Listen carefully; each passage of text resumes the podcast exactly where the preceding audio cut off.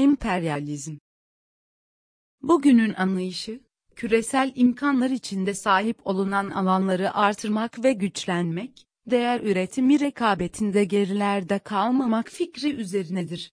Ruslar gibi sürekli kahrolsun emperyalizm diyeceğinize, ben hangi değeri üretebiliyorum, hangi büyük pazarda kaça satıyorum, diye bakın isterim.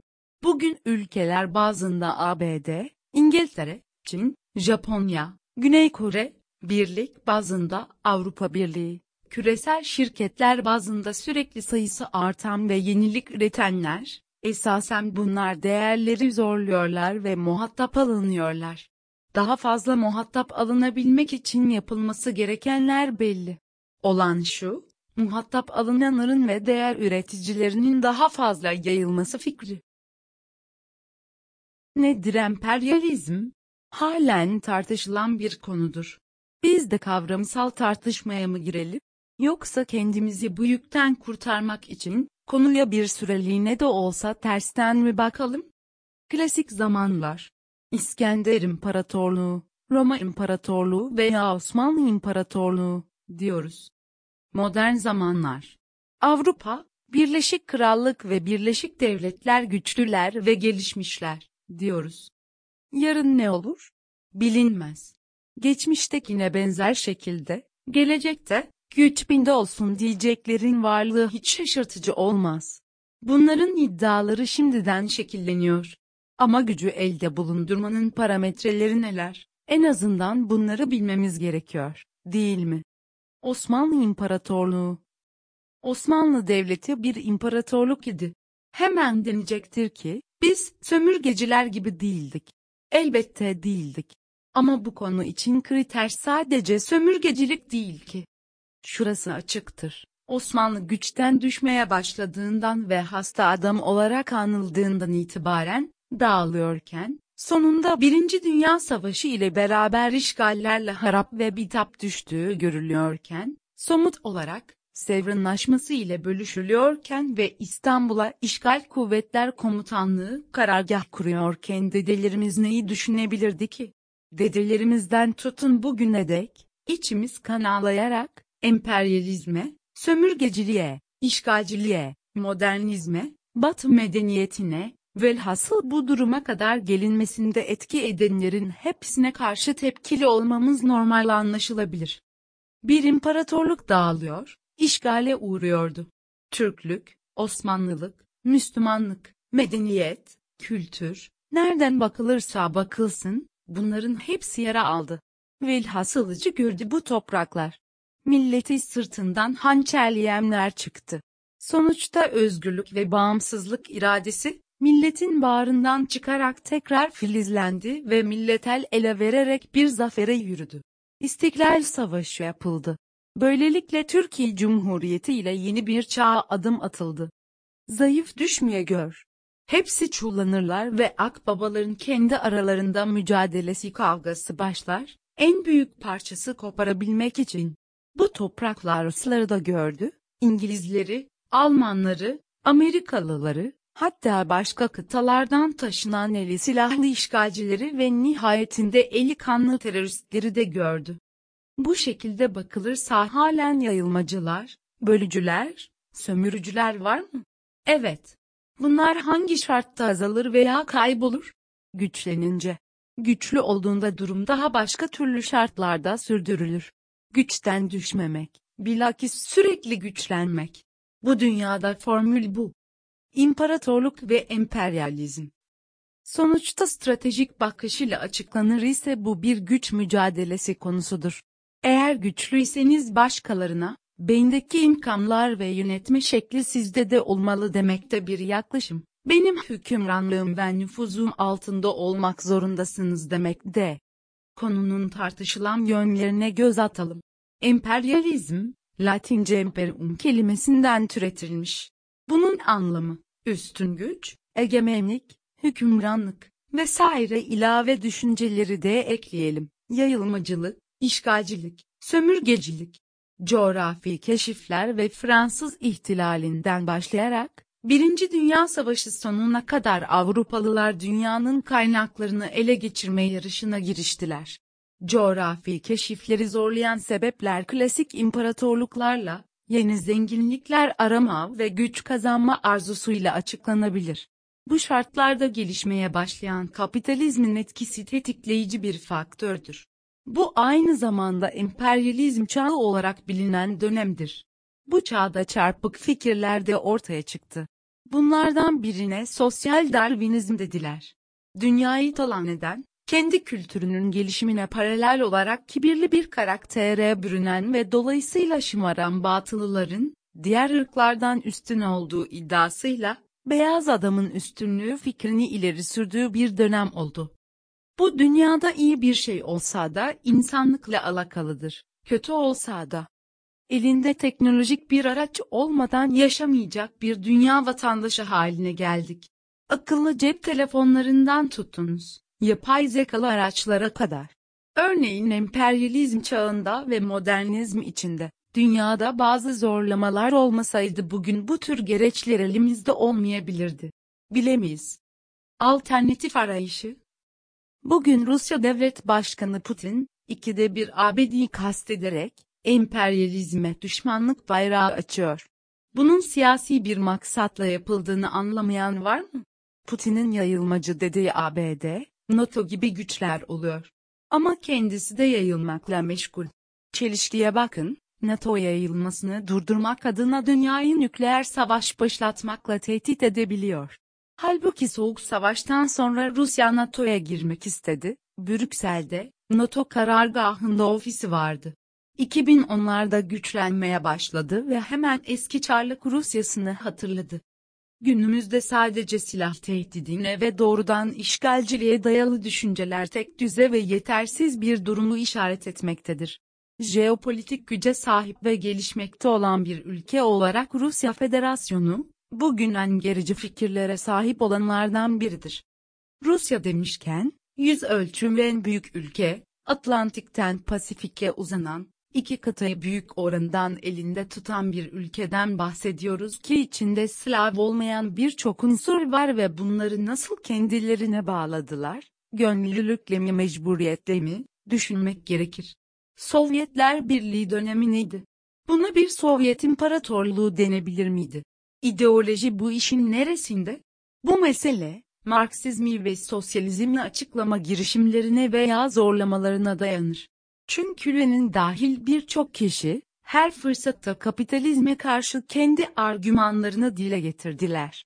Bu çabayla açıklananlara bakıldığında, emperyalizmin ideolojik yaklaşımla bir açıklaması ortaya çıktı. Emperyalizm şöyle tarif edildi, pazarların, arz kaynaklarının ve yatırım yollarının hakimiyet altına alınmasıdır. Putin bu şekilde iddialar içerisinde ve çelişkili açıklamamalarıyla Batı'yı zayıflatmak için her türlü yolu denemektedir. Amacı ne?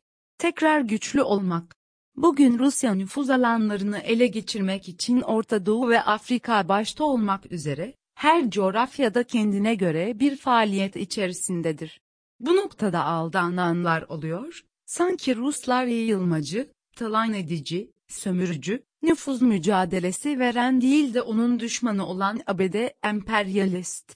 Şu kandırma ve başkalarını aşağılama haline bakar mısınız? Bugün Rusya'nın ekonomik sisteminin adı, oligarşik kapitalizmdir.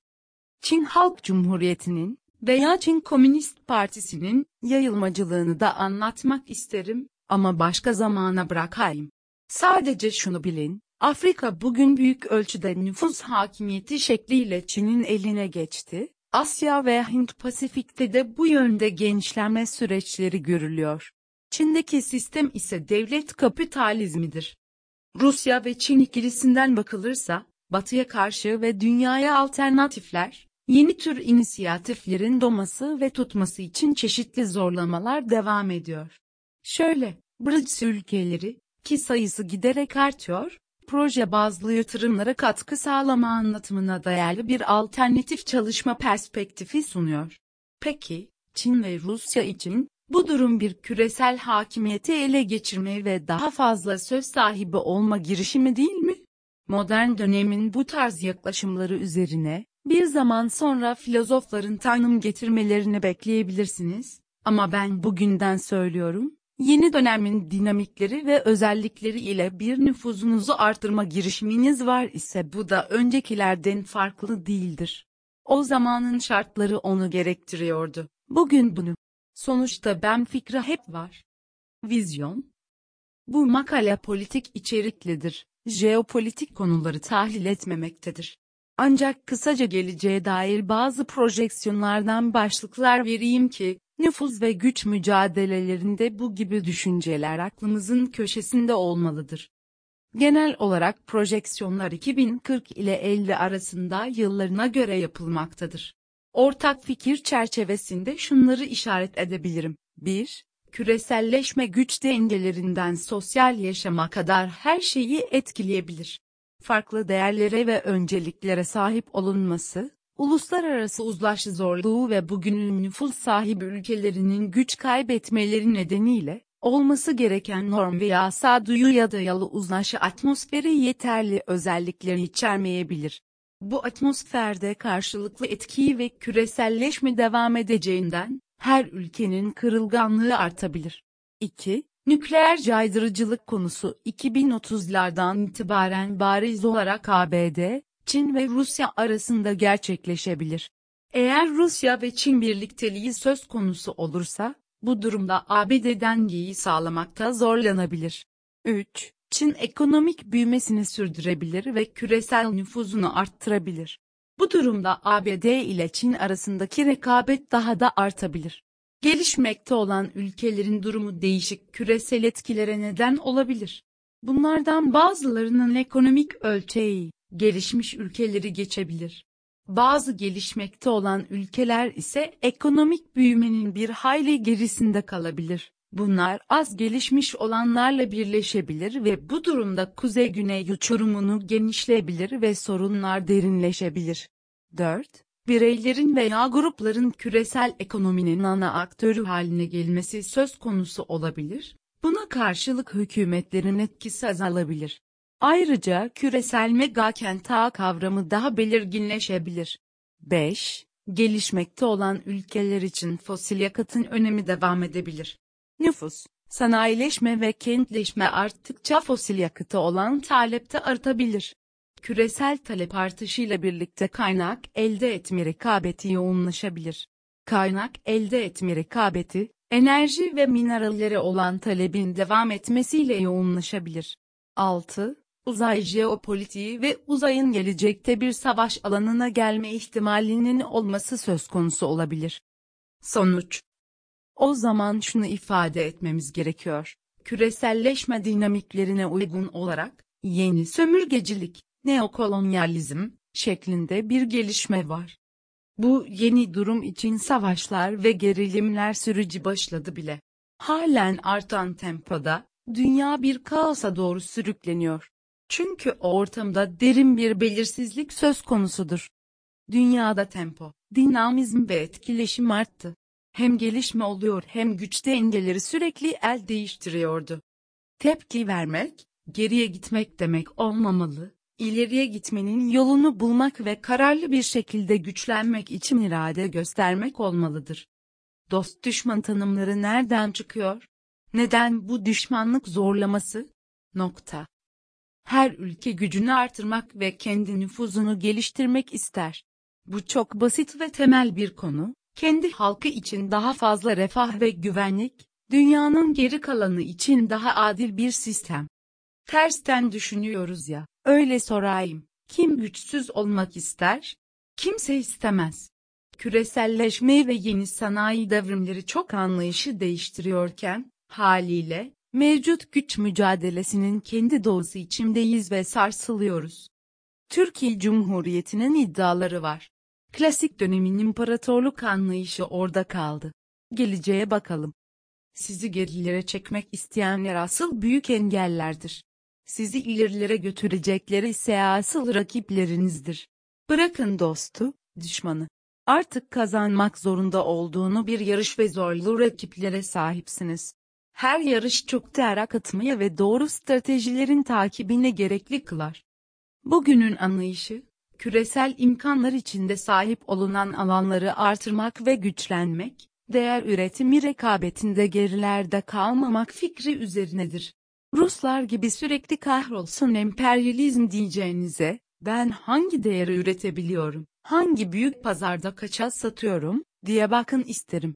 Bugün ülkeler bazında ABD, İngiltere, Çin, Japonya, Güney Kore, birlik bazında Avrupa Birliği, küresel şirketler bazında sürekli sayısı artan ve yenilik üretenler, esasen bunlar değerleri zorluyorlar ve muhatap alınıyorlar.